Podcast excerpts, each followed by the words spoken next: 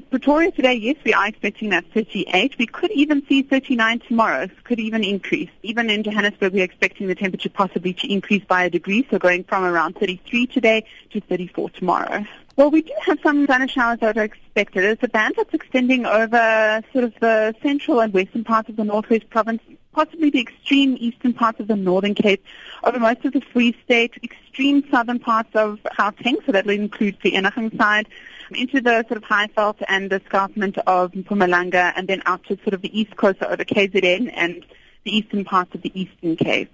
We do have a watch out for severe thunderstorms over the western parts of KwaZulu-Natal for today. So we do see a likelihood that if we see some thunderstorms developing there, they could be severe. So it could include large hail or large amounts of small hail, could have strong wind gusts, or we could even see significant sort of downpours with those thunderstorms. Then we do also have a warning out for high veld fire danger, and this is including our sort of eastern parts of the Northern Cape and western parts of the Free State and Northwest Province, and that will be in effect for today and also tomorrow.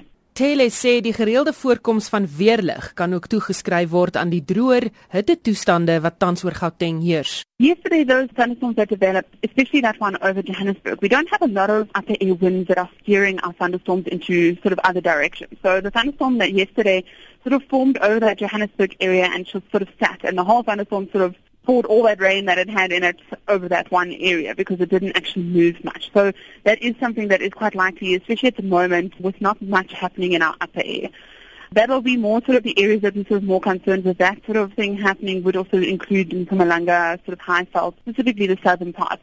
Areas over the Free State, we're expecting thunderstorms to develop and into KwaZulu-Natal and Eastern Cape. The winds are a little bit stronger in the upper levels, so we are expecting the thunderstorms to move a little bit more. Yes, of course, the dry air can also play a role and uh, can also intensify fire thunderstorms. Specifically more though, we're looking at hail being something that's possible.